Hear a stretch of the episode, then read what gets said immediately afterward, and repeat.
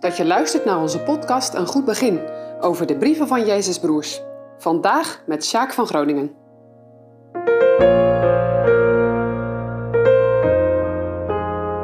Deze week staan we stil bij het laatste gedeelte van Jacobus 5. We lezen samen de versen 7 tot 9. Zo zij dan langmoedig, broeders, tot de toekomst des Heren. Zie, de landman verwacht de kostelijke vrucht des lands, langmoedig zijnde over dezelfde, totdat het de vroege en spade regen zal hebben ontvangen. Weest gij ook langmoedig, versterkt uw harten, want de toekomst des Heren genaakt. Zucht niet tegen elkander, broeders, opdat ge niet veroordeeld wordt. Zie, de rechter staat voor de deur. Jacobus probeert zich te verplaatsen in de moeilijkheden waarin de lezers verkeren. In de vorige versen gaat het over de onbarmhartigheid van de rijken tegenover de armen. Daar speelt Jacobus op in. Hoe moeten de armen zich opstellen ten opzichte van de rijken? Het voelt als een strijd die gevoerd wordt, maar het lijkt of zich niet kan verdedigen.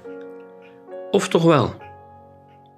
Jacobus gebruikt het beeld van de landman, de boer. Waar wacht de landman op? Op regen. En daar is hij van afhankelijk. Zonder regen geen oogst. Israël heeft twee periodes waarin het regent.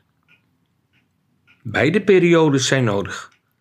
De vroege regen valt in oktober en daarna moet de landman maandenlang geduldig wachten tot april en mei voor de spade of voor de late regen. Ik denk dat die landman op een gegeven moment echt uitkeek naar de verlossende moment van de regentijd. Wat wil Jacobus ons leren? Geduldig te zijn tot de Heere komt. Ben jij geduldig? Of juist ongeduldig? We hoeven in deze versen niet direct aan een spoedige wederkomst te denken.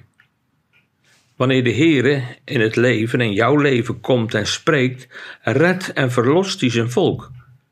Maar de volkomen verlossing is er eerst bij Christus wederkomst op de wolken des hemels. Wat is jouw toekomstverwachting? Geld, rijkdom, eer, een gemakkelijk leven of is er bij jou ook dat verlangen als bij Johannes op Patmos? Kom, Heere Jezus, kom haastig. Jacobus wijst ons erop dat we bij de dag moeten leven. En daarom gebruikt hij het beeld van die landman, van die boer. Hoe komt hij straks aan de oogst? Hij kan niet beschikken over de regen. Dus verhaasten is niet mogelijk. Toch ziet hij in normale omstandigheden uit naar de vrucht die komen zal. En die hoop doet leven. Herkennen jullie die hoop in het dagelijks leven? Als leven soms zwaar is, zoals in de laatste lockdownperiode, of viel de examenperiode enorm tegen? Wellicht heb je zelf of in de familie te maken met ernstige ziekte. Laat dan deze boer voor jou een voorbeeld zijn. In vers 8 herhaalt Jacobus deze vermaning, deze waarschuwing, maar het betekent ook vertroosting met de toevoeging: versterkt uw harten. Word niet moedeloos of verbitterd, maar wacht geduldig af en verwacht het van de Heere alleen. Geef het, het net zoals de Heer Jezus deed, over aan God, die rechtvaardig oordeelt. Het kracht uit de belofte die de Heere je doet.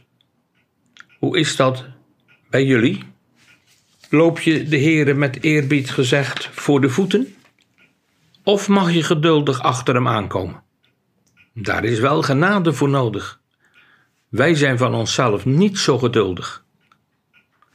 Toen ik net vers 9 voorlas, dacht je misschien: snijdt Jacobus hier een totaal ander onderwerp aan? Laten we het nog eens nauwkeurig lezen, want het komen van Jezus als rechter heeft wel verlossende betekenis voor de gelovigen, maar vraagt ook verantwoording tegenover de rechter. De ernstige zonden die in de voorafgaande versen genoemd en aangewezen zijn, mogen niet blijven. Hier gebruikt Jacobus iets minder radicale woorden dan in hoofdstuk 4. Hier zegt hij slechts: zucht niet tegen elkander. Met andere woorden, verlies je geduld niet. Maak elkaar geen verwijten en reageer je ellende niet af op elkaar. Zorg ook dat je zelf de oorzaak niet bent tot opstandig gedrag. We mogen wel zuchten tot God en tot elkaar in tijden van benauwdheid, als het maar niet leidt tot het uiten van opstandige kreten, wraakgevoelens of vloeken. Herkennen jullie dit in je eigen leven? Hoe ga je daar eerlijk mee om?